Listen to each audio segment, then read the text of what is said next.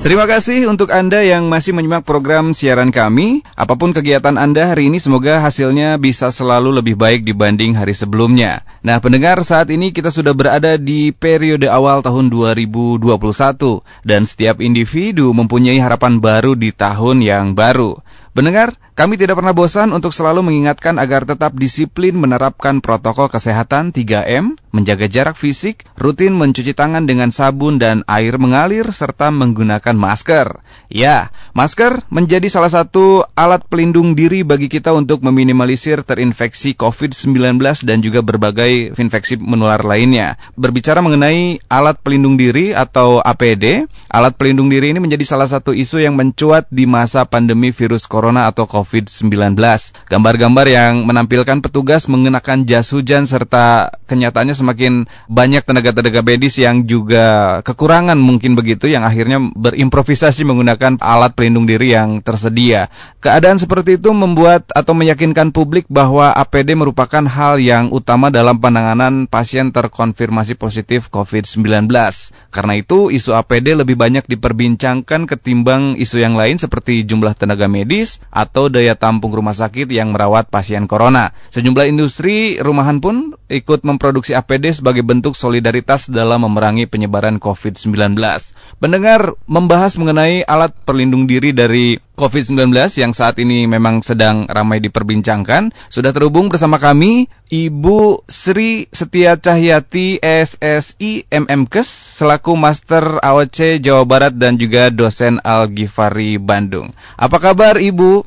Alhamdulillah. Waalaikumsalam, Kang. Waalaikumsalam. Baik, Kang. Bagaimana Ibu? Sekarang sudah di periode awal 2021, Bu. Punya resolusi untuk tahun ini, Bu? Resolusinya? Ya. Selalu semangat menjadi lebih baik, lebih baik, lebih baik. Itu saja. Amin. Ya Rabbal Alamin.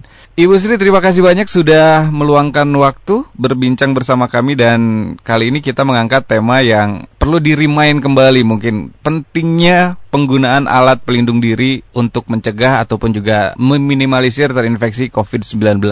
Nah, apakah memang ini menjadi hal yang wajib untuk masyarakat ataupun tenaga medis menggunakan APD ini di tengah pandemi, Bu? Iya, Kang. Terima kasih, uh, Kang Tio. Iya. Mudah-mudahan semua juga, ini Kang Tio kalaupun pergi ke studio, off air, tetap ya menggunakan APD ya. Pasti, Bu. ya, memang ya. APD ini memang sangat diperlukan sekali di masa pandemi COVID-19 ini ya. Mm-hmm. Karena ya alat pelindung diri merupakan salah satu upaya sih untuk mm-hmm. kita supaya tidak memaparkan ataupun tidak terpaparkan. Mm-hmm. Tidak memaparkan dan tidak terpapar dari COVID-19. Jadi mm-hmm. sama-sama saling menjaga, melindungi orang lain dan melindungi diri sendiri gitu kan. Mm-hmm. Nah, berarti sudah harus menjadi kesadaran di setiap individu ya? Betul, betul hmm. sekali, Kang. Yang Ibu sudah. lihat bagaimana, Bu, selama kurun waktu sampai dengan saat ini? Ya, uh, memang kalau kita lihat saat ini hmm. sudah ada sudah banyak yang uh, melakukan perlindungan diri ya mm-hmm. sebagai mm-hmm. protokol kesehatan pada mm-hmm. saat bertemu dengan orang lain atau berkontak langsung mm-hmm. gitu ya. Tetapi juga masih ada yang belum juga menggunakan APD secara benar dan tepat kan. Mm-hmm. Yang benar dan tepat itu seperti bagaimana Bu? Uh, yang benar dan tepat. Mm -hmm. Wah, ini kalau mau cerita yang benar dan tepat panjang nih kan Oke. Okay. Itu masih punya banyak waktu nih, Bu. Oke, okay, baik baik baik. Iya.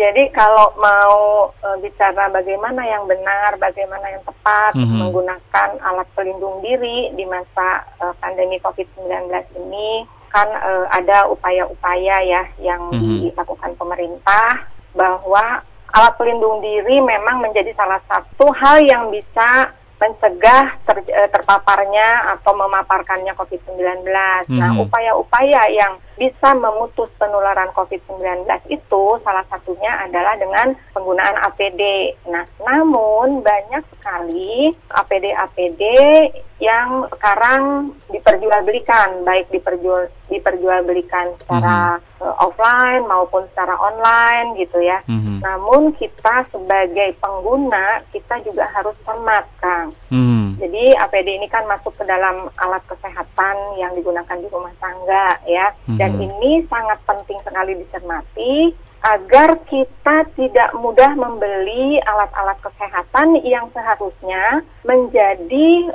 apa ya alat-alat kesehatan yang digunakan oleh tim medis hmm. sehingga seperti tadi yang sudah disampaikan Kang Tio yeah. di ya. awal bahwa ternyata tim medis kita kekurangan APD mm -hmm. karena mm -hmm. apa? Karena banyak digunakan oleh masyarakat, mm -hmm. gitu ya, mm -hmm. yang tidak berhubungan langsung dengan pasien, pasien atau masyarakat yang positif COVID, mm -hmm. gitu ya. Nah, mm -hmm. bagaimana sih biar cermat dalam menggunakan alat kesehatan yang benar dan tepat tadi? Mm -hmm. Jadi ya seharusnya kita menggunakan yang sesuai dengan kebutuhannya. Hmm. Kalau tim medis berarti gunakanlah APD yang memang diperuntukkan untuk tim medis gitu. Kalau kita sebagai masyarakat biasa ya kita bisa menggunakan alat-alat pelindung diri yang layak digunakan dan tepat digunakan oleh kita yang tidak berkontak langsung dengan pasien-pasien COVID -hmm. gitu kan. -hmm. APD yang digunakan masyarakat lain juga dengan yang digunakan oleh tenaga medis harusnya seperti itu ya Bu? Betul betul Kang. Nah, contoh APD yang banyak digunakan masyarakat seharusnya digunakan untuk tenaga kesehatan seperti apa Bu? Apa banyak juga masyarakat yang menggunakan hazmat begitu? oh iya betul betul Kang sempat kan waktu itu juga oh, ya iya, iya. ada kasus ya iya, uh, iya. masyarakat yang ke supermarket menggunakan hazmat nah, sempat juga kita lihat namun yeah. alhamdulillah ya dengan adanya informasi dari Kementerian Kesehatan hmm, ya hmm. dari bagian tentang penanganan COVID jadi sehingga masyarakat pun paham bahwa alat pelindung diri yang tepat digunakan oleh masyarakat dan yang mana yang tidak boleh digunakan masyarakat mm-hmm. ini juga sudah mulai paham gitu kan. Mm-hmm. Jika berhubungan dengan Permenaker nomor 8 tahun 2010 seperti apa penjelasan APD sebetulnya Bu? Oh ya betul. Mm-hmm. Uh, jadi penggunaan APD itu memang diatur ya di sini ada peraturan ya oleh mm-hmm. Permenaker nomor 8 tahun 2010 itu mm-hmm. Karena alat pelindung diri ini merupakan suatu alat yang mempunyai kemampuan untuk melindungi seseorang mm-hmm. tentunya alat pelindung diri ini mempunyai fungsi mengisolasi sebagian atau seluruh tubuh mm-hmm. dari potensi bahaya nah mm-hmm fungsi dan jenis alat pelindung diri ini mm-hmm. memang macam-macam. Mm-hmm. Jadi yang berfungsi untuk melindungi anggota tubuh dan ada pula yang berfungsi sebagai alat dalam gawat darurat. Nah, kalau alat gawat darurat mm-hmm. tentunya mereka-mereka atau tim medis yang melakukan kontak langsung mm-hmm. ataupun masyarakat yang mohon maaf mm-hmm. misalkan sudah positif COVID kemudian dikatakan beliau adalah misalkan almarhum almarhumah adalah mm-hmm. memang mhm. penyebabnya adalah COVID-19 tentunya pada hmm. saat pemakaman dan sebagainya juga kan digunakan pakaian-pakaian ya, atau namanya pada saat pemakaman itu dalam kondisi tertutup sehingga tidak bisa menyebarkan kan mm -hmm, gitu. Mm -hmm, nah itu juga mm -hmm. merupakan salah satu APD. Nah mm. tujuannya apa? Memang ada punya tujuan dari Permenaker ini yaitu harus ada perbedaan antara penggunaan APD mm-hmm. untuk menangkal atau untuk mengurangi mm-hmm. masalah-masalah kelengkapan APD yang memang akhir-akhir ini menjadi momok uh, apa menjadi hal-hal yang menakutkan bagi para tenaga kesehatan mm-hmm. yang tetap harus bertugas sehingga ada kan kasusnya tenaga kesehatan harus menggunakan jas hujan hmm. ya yang kita bisa beli di di supermarket seperti itu banyak hmm. karena apa karena memang tidak cukup gitu APD-nya untuk hmm. digunakan dalam sehari karena kan hmm. APD ini hanya boleh digunakan dalam waktu 8 jam ya hmm. nah setelah 8 jam berganti dan itu hanya boleh digunakan satu kali, satu kali ya. Hmm. ya langsung dibakar seperti itu hmm. nah memang salah satu APD yang wajib digunakan dalam mengurangi penyebaran COVID-19 itu ya minimalnya menggunakan masker gitu gitu ya. Mm-hmm. Namun dalam kondisi seperti ini masyarakat juga kalau kita lihat masih banyak ya yang kita jumpai di jalan, kita jumpai di tempat umum mm-hmm. tidak menggunakan masker. Mm-hmm. Nah, hal-hal ini juga yang memang perlu di apa ya kita sama-sama lah kita sama-sama ingatkan kita sama-sama patuhi apa yang disampaikan di dalam Permenaker nomor 8 tahun 2010. Jadi gunakan yang tepat, di mana yang tepat itu untuk masyarakat yang mana, untuk tenaga medis yang mana. Baik, masyarakat memang sudah menjadi kebiasaan baru begitu ya dalam masa adaptasi kebiasaan baru ini seperti halnya menggunakan masker. Memang ada beberapa juga yang belum terbiasa mungkin seperti itu ya Bu ya. Tetapi yeah. dalam kondisi yang Ibu tadi sempat sampaikan yaitu gawat darurat, nah kondisi APD APD yang untuk kondisi gawat darurat itu seperti apa dan apa saja kondisi gawat darurat yang dimaksud Bu? Jadi apakah kondisi pandemi ini sudah termasuk dengan kondisi gawat darurat? Ya, betul Kang. Hmm. Kondisi COVID-19, eh, pandemi COVID-19 ini termasuk hmm. ke dalam kondisi kejadian yang luar biasa. Hmm. ya karena mudahnya virus COVID-19 ini menularkan ya hmm. kemudiannya begitu banyak masyarakat yang cepat sekali hmm. tertular Nah, kenapa dibilang gawat darurat? Ya tadi satu banyak sekali masyarakat yang mudah tertular atau terpapar, mm-hmm. kemudian juga dengan belum adanya penanganan mm-hmm. yang atau obat-obat mm-hmm. yang khusus digunakan untuk COVID-19 sehingga saat ini kan mulai nih adanya vaksin Betul. gitu ya. Yeah. Tetapi sebelum ada obat dan vaksin ini kan ya kita perlindungan dirinya apa? Yaitu dengan menggunakan alat pelindung diri gitu. Mm-hmm. Memang kondisi sekarang disebut gawat darurat ya Bu karena beberapa rumah sakit rujukan juga sudah full begitu untuk merawat pasien terkonfirmasi positif. Dibutuhkan kesadaran bersama dari setiap individu begitu ya Bu ya untuk mencegah terinfeksi COVID-19. Tapi membahas mengenai APD yang biasa digunakan, bisa dijelaskan hal ini menurut uh, jenis dan juga pembagiannya Bu untuk tenaga kesehatan ataupun juga untuk masyarakat umum itu seperti apa saja begitu Bu?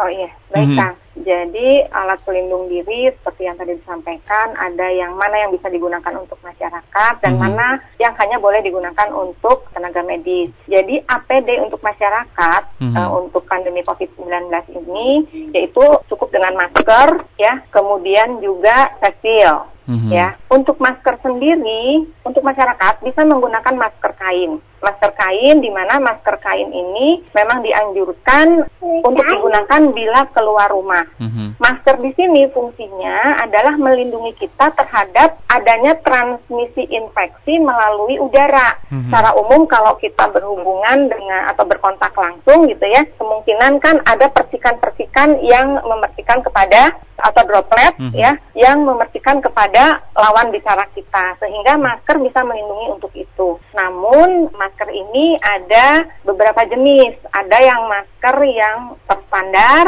mm -hmm. ya, mm -hmm. masker khusus yang dibuat untuk menjaring partikel-partikel dari si virus atau mikroorganisme virus pandemi ya, COVID-19 ini mm -hmm. gitu ya. Juga ada yang bisa digunakan adalah masker bedah. Mm. Nah, masker bedah ini bisa digunakan atau yang disebut juga dengan surgical mask mm -hmm. lebih disarankan untuk penggunaan oleh tenaga medis mm -hmm. tetapi juga bisa digunakan oleh masyarakat yang memang sedang sakit mm. gitu jadi ada kan OTG nih yeah. OTG yeah. tidak bergejala nah ini disarankan menggunakannya adalah masker bedah gitu mm. karena masker bedah ini bersifat anti air dan memiliki filter anti kuman yang dapat menghindarkan percikan air liur menjadi sumber penyebaran virus atau bakteri. Hmm. Nah, masker bedah ini memiliki lapisan dalam yang bisa menyerap cairan dari mulut sehingga hmm. air liur itu tidak terpercik keluar. Kalau masker kain memang hanya bisa digunakan dalam waktu 4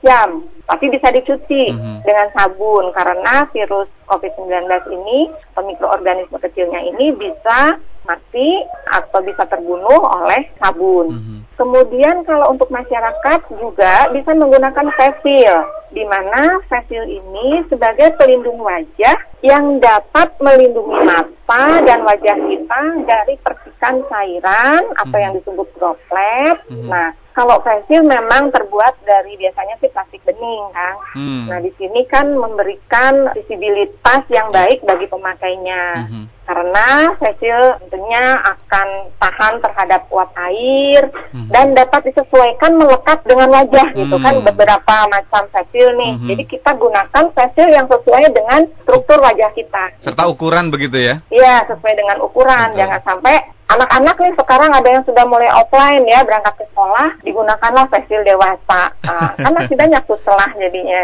iya, gitu. iya. tapi ini ya. sebagai penunjang begitu ya atau tambahan begitu ya ketika tambahan tambahan ya bu ya mm-hmm. ya mm-hmm. karena yang sebenarnya itu adalah masker yang baik tapi digunakan dua-duanya akan lebih baik baik gitu. jenis kain berpengaruh bu jenis kain berpengaruh, ya berpengaruh. Hmm. Apalagi kalau kainnya bukan kain yang mengikuti standar, kan. Jadi ada standar kain yang boleh digunakan untuk masker, yaitu katun, hmm. bukan linen. Karena kan hmm. juga jangan sampai kain yang digunakan untuk masker ini mengganggu pernafasan. Hmm. Tuh. Hmm. Tapi pori-pori juga perlu diperhatikan ya Bu, jangan juga yang terlalu akhirnya jadi terlalu besar begitu ya Bu ya untuk penggunaan oh, iya. masker kain ya Bu. Betul, betul. Hmm. Jadi ada SNI-nya. Ada SNI-nya. Ya. Ada SNI-nya. Jadi kalau kain katun itu kan dia punya pori-porinya yang terukur ya. Hmm. Kemudian hmm. juga kan harus kalau dibuat masker kain itu harus dalam kondisi masker itu ada tiga lapisan gitu. Baik, masker medis tidak bisa dicuci seperti halnya masker kain ya Bu berarti ya? Enggak bisa, itu Nggak bisa ya? sekali pakai. Sekali pakai ya, ya Bu ya? Sekali pakai dan hmm. kalau sudah selesai juga nggak boleh begitu saja buang ke tempat sampahnya tuh Kang. Oke, harus digunting, seperti apa Bu? Gunting dulu. Oh digunting. Digunting dulu, kemudian eh, nanti dimasukkan ke dalam suatu kantong hmm. gitu ya, agar tidak menyebarkan. Nah, cara memegangnya juga ada ada caranya tuh Kang. Nggak hmm. boleh bagian depan maskernya yang dipegang, tetapi pakai eh, dibuka dari bagian pinggir dan hmm. bagian luar itu dilipat untuk bagian dalam baru digunting-gunting. Hmm. Jangan sampai yang bagian luar masker yang kita gunakan itu yang kita pegang karena hmm. kemungkinan kan ada percikan melalui situ. Baik, berarti memang talinya ya, Bu ya, bagian pinggir itu talinya ketika kita mau melepas Betul, masker ya, Bu samping, ya. Samping, sampingnya ya. ya, baik. Ya, itu untuk masyarakat umum. Untuk tenaga medis, apakah ada perbedaan oh, atau ya. seperti apa, Bu? Nah, kalau untuk APD yang digunakan tenaga medis, mm -hmm. kan memang nggak efektif ini kalau untuk masyarakat. Baik. Contohnya adalah masker N95. Mm. Nah, masker N95 ini jenis masker yang sangat tepat ketika dikenakan guna karena mempunyai fungsi mm-hmm. agar tidak ada celah yang bisa disisipi virus atau bakteri. Mm-hmm. Kemudian APD lain yang digunakan oleh tenaga medis yaitu sarung tangan, mm-hmm. di mana sarung tangan ini tentunya sebagai pelindung jika digunakan tim medis karena mm-hmm. tim medis kan langsung berkontak nih berkontak misalkan harus memeriksa tekanan darah, harus memeriksa suhu yeah. gitu ya, yang langsung kepada pasien COVID-nya, mm-hmm. sehingga mm-hmm tentunya tenaga medis sangat punya resiko mudah sekali terpapar virus. Nah, sarung tangan tim medis biasanya berjenisnya latex atau nitril. Nah, hmm. ini juga jangan sampai masyarakat menggunakan gitu karena hmm. tim medis sangat membutuhkan. Hmm. Tuh ya. Hmm. Kemudian ada lagi APD yang disebut kacamata pengaman. Mm-hmm. Nah, ini juga mhm. ada mhm. masyarakat mm-hmm. yang karena mempunyai kemampuan, mm-hmm. karena sangat paham melihat dari tenaga medis menggunakan mm-hmm. kacamata pengaman, ini mhm. digunakan oleh masyarakat. Padahal kacamata pengaman ini lebih dianjurkan sebagai alat kesehatan yang memang mereka-mereka yang langsung berkontak gitu ya, tenaga-tenaga medis yang berkontak langsung dengan pasien-pasien COVID. Mm-hmm. Kalau uh, pasien-pasien di rumah sakit yang bukan penderita COVID, tenaga medis pun tidak menggunakan ini. Kemudian tadi yang sempat akan sebut yaitu hazmat. Iya. Nah, hazmat ini adalah pelindung diri menjadi alat pelindung utama bagi tenaga medis yang berinteraksi langsung dengan pasien mm-hmm. COVID 19 hmm. maupun yang terduga. Kenapa dengan uh, bagaimana dengan hazmat ini? Karena hazmat ini mempunyai kerapatan yang diyakini mampu menghindari virus sejenis corona tidak menempel langsung ke tubuh atau bagian tubuh para petugas medis. Kemudian ada satu lagi yaitu topi pelindung. Topi pelindung. Nah, ya, nah topi pelindung ini digunakan oleh tenaga medis yang mempunyai fungsi yaitu berguna memproteksi kepala para petugas medis agar tidak terpapar virus maupun bakteri ketika berinteraksi dengan pasien. Bisa kita bayangkan ya, tenaga medis yang bekerja, yang melayani para pasien COVID, semua tertutup. Semuanya yeah. bahannya harus rapat. Harus rapat. Yang tidak boleh ada celah untuk masuknya mikroorganisme kecil pun gitu. Dan berlapis Jadi, ya Bu ya? Iya, kebayang nggak kalau kita panasnya luar yeah. biasa ya. Mm -hmm keringat tidak hmm. bisa terserap dengan baik. Oksigen ya. juga ya Bu ya? Kami bahasa Sunda teh emang ngoprot ngoprot, gitu ya kan. ngoprot kesang. Jadi iya, itu betul. memang Iya, perjuangan uh, ya Bu. namanya? Perjuangan tenaga betul. medis dengan alat-alat APD yang digunakan hmm. pada saat melayani pasien COVID-19 kan. Baik, terima kasih Ibu. Dan pendengar untuk Anda yang ingin berinteraksi bersama kami dan Ibu Sri, silahkan bisa melalui WhatsApp ataupun juga SMS di 0811 2102 948. Kami ulangi di 0811 2102 948. Nah, kembali lagi Bu ke APD yang tengah kita bahas. Ketika alat pelindung diri ini sudah kita pakai, dan yang tadi Ibu bilang bahwa memang harus sekali pakai ini dibuangnya ke mana Bu? Apakah bebas dibuang ke tempat pembuangan sampah umum atau juga ada pembuangan khusus untuk limbah alat kesehatan ini Bu? Ya, jadi ada hal-hal lain nih yang harus diperhatikan setelah kita menggunakan masker ya. Kalau masker kain tadi kan bisa dicuci dengan sabun, mm -hmm. ya dengan deterjen. Nah, kalau untuk masker-masker yang surgical mask tadi ya, masker bedah, itu tadi sudah saya sampaikan bahwa pada saat mengguna pun dipegang di bagian tepi yang ada tali, tali. kemudian dilipat ke bagian jadi yang bagian luar ada di bagian dalam mhm. lipatan, mm -hmm. kemudian harus dipotong-potong. Mm -hmm. Sebelum membuang ke tempat sampah, masukkan ke dalam kantong kresek. Mm. Jadi jangan langsung buang ke tempat sampah, gitu ya. Mm -hmm. Nah, ke dalam kantong kresek dengan tujuan apa? Agar kalaupun ada droplet yang tertempel di situ yang ada mikroorganisme uh, COVID-19-nya mm -hmm. itu tidak menyebar ke yang lain mm -hmm. atau tidak memaparkan kepada sampah-sampah yang lain. Mm -hmm. uh, barangkali nanti petugas sampah gitu yeah, ya iya, bisa iya. terpapar yeah. gitu. Mm -hmm. Sehingga kita bisa mengamankan baik lingkungan maupun petugas-petugas yang memang bukan petugas medis tetapi yang berhubungan dengan limbah-limbah dari penggunaan APD-APD hmm. yang digunakan oleh hmm. kita sebagai masyarakat umum yeah. karena kita juga nggak tahu apakah kita terpapar oleh para OTG-OTG hmm. gitu ya hmm. Hmm. karena uh, misalkan kalau kita berkontak langsung ataupun kita ke tempat-tempat umum belanja ke pasar ke supermarket kita kan tidak bisa melihat walaupun misalkan ada pengecekan suhu tuh di supermarket karena ada juga yang tidak bergejala hmm. tapi ternyata pembawa gitu hmm. pembawa COVID hmm sehingga pembuangannya ya tadi digunting-gunting dulu mm-hmm. ya mm-hmm. si maskernya jangan sampai tersentuh yang bagian mm-hmm. luarnya mm-hmm. kemudian masukkan ke dalam kantung kresek Baik. nah jangan lupa juga kalau sudah membuka masker jangan lupa cuci tangan pakai sabun 3M jangan lupa juga ya Bu ya Betul. Mencuci tangan menggunakan air dan juga sabun. Baik, setelah selesai digunakan harus dihancurkan, dimasukin ke dalam uh, kantong plastik, dibuang begitu ya. Dan kita juga harus memperhatikan jangan sampai petugas kebersihan nanti malah juga beresiko begitu ya, Bu. Iya, betul iya. sekali, Kang. Betul sekali. Baik. Ada Bapak Yadi di Cinambo, Bu. Apakah hand sanitizer termasuk alat pelindung diri atau apakah ada aturan khusus terkait penggunaan hand sanitizer ini, Bu? Oke. Okay. Baik. Ya, kalau hand sanitizer ini masuknya kelompok ke perbekalan kesehatan rumah tangga. Jadi Perbe bukan ke alat pelindung diri. Kalau alat pelindung diri masuknya ke alat kesehatan mm -hmm. yang digunakan di rumah tangga. Tetapi mm -hmm. kalau hand sanitizer maksudnya ke perbekalan kesehatan rumah tangga. Misalkan mm -hmm. uh, contohnya hand sanitizer mm -hmm. atau seperti deterjen, mm -hmm. kemudian sabun mandi, mm -hmm. kemudian anti nyamuk. Mm -hmm. Nah, itu perbekalan kesehatan maksudnya. Baik. Kemudian hand sanitizer ini digunakan apabila kondisinya kita tidak bisa atau tidak mendapatkan air mengalir dan sabun untuk mencuci tangan. Gitu. Jadi hmm. yang paling baik tetap menggunakan sabun dengan air mengalir.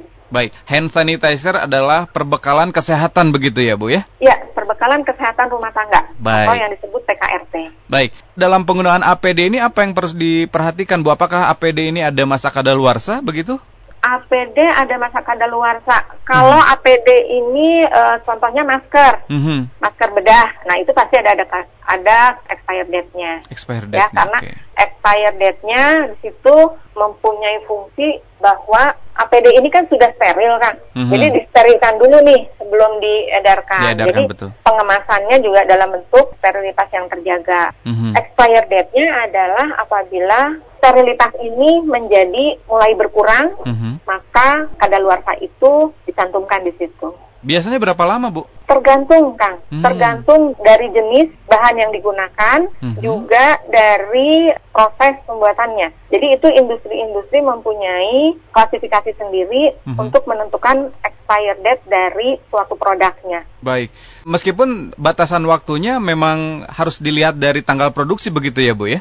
Selain tanggal produksi dan hmm. izin edar dari suatu produk alat kesehatan, hmm. itu pasti dicantumkan juga expire atau expired date atau kadaluarsanya hmm. dan aturan pemakaiannya juga dicantumkan di dalam kemasannya. Hmm. Jadi mungkin ini juga kesempatan saya sampaikan yeah. pada saat akan menggunakan alat kesehatan rumah tangga ataupun perbekalan kesehatan mm-hmm. rumah tangga mm-hmm. harus selalu dibiasakan membaca peraturan atau penandaan-penandaan yang ada di dalam kemasan ataupun brosur-brosur yang ada di dalam uh, produk-produk tersebut. Hmm. Gitu. Karena setiap produk mempunyai spesifikasi yang berbeda-beda hmm.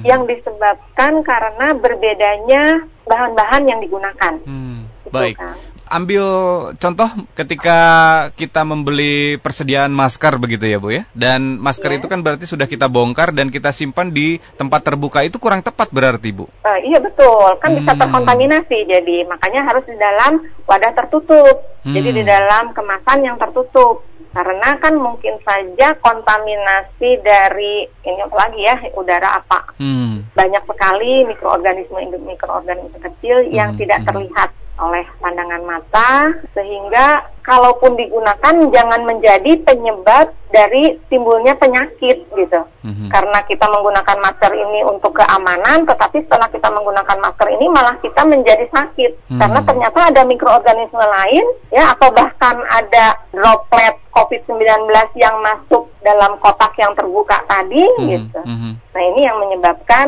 kenapa mm-hmm. penyimpanan pun harus diperhatikan. Gitu. Baik, bisa disamakan dengan SOP menyimpan obat-obatan begitu, Bu? Oh iya, tentu hmm. saja Kang. Hmm. Jadi memang standar penyimpanan obat itu atau alat kesehatan ya, kalau hmm. di sini alat kesehatan rumah tangga ataupun perbekalan kesehatan rumah tangga, yeah. itu kan kita tidak boleh menyatukan antara ketiganya. Hmm. Jadi kalau obat tadi ya akan sebutkan obat, yeah. kemudian ada alat kesehatan rumah tangga seperti masker, hmm. kemudian ada perbekalan kesehatan rumah tangga seperti hand sanitizer yeah. atau deterjen atau anti nyamuk. Nah ini yeah. harus mempunyai tempat yang berbeda-beda. Hmm. Jadi semua semuanya dalam kondisi tertata yang dimungkinkan tidak terpaparnya atau terkontaminasinya oleh mikroorganisme-mikroorganisme yang banyak berkeliaran di udara. Baik.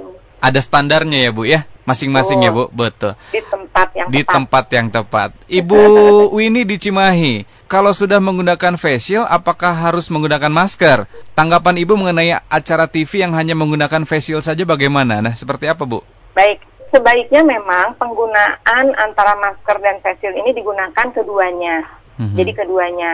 Nah, untuk uh, kan tadi masker agar kita tidak memaparkan dan tidak tidak terpaparkan. Kemudian face shield untuk menjaga mm-hmm. mulai mata mm-hmm. gitu ya agar juga tidak terkena percikan. Yeah. Bagaimana dengan acara TV yang menggunakan face shield mm-hmm. saja? Mm-hmm. Nah, para pelaku yang beraktivitas di layar kaca TV, hmm. mereka itu tentunya pada saat melakukan kegiatan sudah dilakukan pemeriksaan hmm. atau dalam bentuk swab. Hmm. Apakah mereka-mereka ini mempunyai atau membawa virus COVID-19 di dalam tubuhnya. Hmm. Kalau ternyata mereka terpapar dan mereka tidak boleh mengikuti kegiatan tersebut hmm. karena tentunya media-media televisi pun diawasi oleh para pengawas dari hmm. penyebaran COVID-19 dan mereka tentunya harus mematuhi protokol-protokol ini. Kalau kita lihat kenapa nih mereka bisa ketawa-ketawa, ya bisa menghibur kita, karena mereka sudah mengikuti protokol yang sudah diterapkan. Baik, sudah ada aturannya juga begitu ya Bu ya, ada yang, yang di setiap stasiun sudah mempunyai kebijakan begitu untuk para talent diperiksa terlebih dahulu sebelum dimulai acara. Baik, Ibu Sri terima kasih banyak sudah meluangkan waktu berbincang bersama kami dan kita juga tidak mau untuk mengganggu terlalu lama waktunya. Closing statement yang bisa Ibu berikan kepada kami ataupun juga para pendengar kami Bu mengenai tema bahasan yang kita angkat hari ini? Baik, terima kasih ya Kang. Ada ya. kesempatan ya. lagi buat saya untuk sedikit mengingatkan, merimain teman-teman kita, keluarga kita di kota Bandung ini. Mm -hmm. Baik untuk fit listener, saya Tristia Cahyati. Tetap semangat menjalankan aktivitas. Jika dirasa perlu untuk melakukan kontak dengan orang lain, jangan lupa gunakan protokol kesehatan. Gunakan alat pelindung diri dengan baik dan benar COVID-19 dapat dicegah asalkan kita mau patuh melaksanakan pola hidup bersih dan sehat. Jangan lupa Healthy Lifestyle Radio and Stay Fit for Life di 94,8 FM Bandung. Terima kasih banyak Ibu Sri untuk waktu dan kesempatannya hari ini. Semoga di lain waktu kita bisa berbincang kembali ya Bu. Kami hatur nuhun. Hatur nuhun, sehat selalu dan selamat beraktivitas. Waalaikumsalam warahmatullahi wabarakatuh. Demikian pendengar perbincangan kami bersama Ibu APT Sri Setia Cahyati SSI MMK selaku Master AOC Jawa Barat dan juga dosen Al Ghifari Bandung. Setelah ini, pendengar kami akan bergabung dengan program siaran khusus kemanusiaan Recover Radio bersama jaringan Fit Radio dan El Sinta Media Group. Tetap sehat, tetap semangat Fit Listeners, and stay fit for life.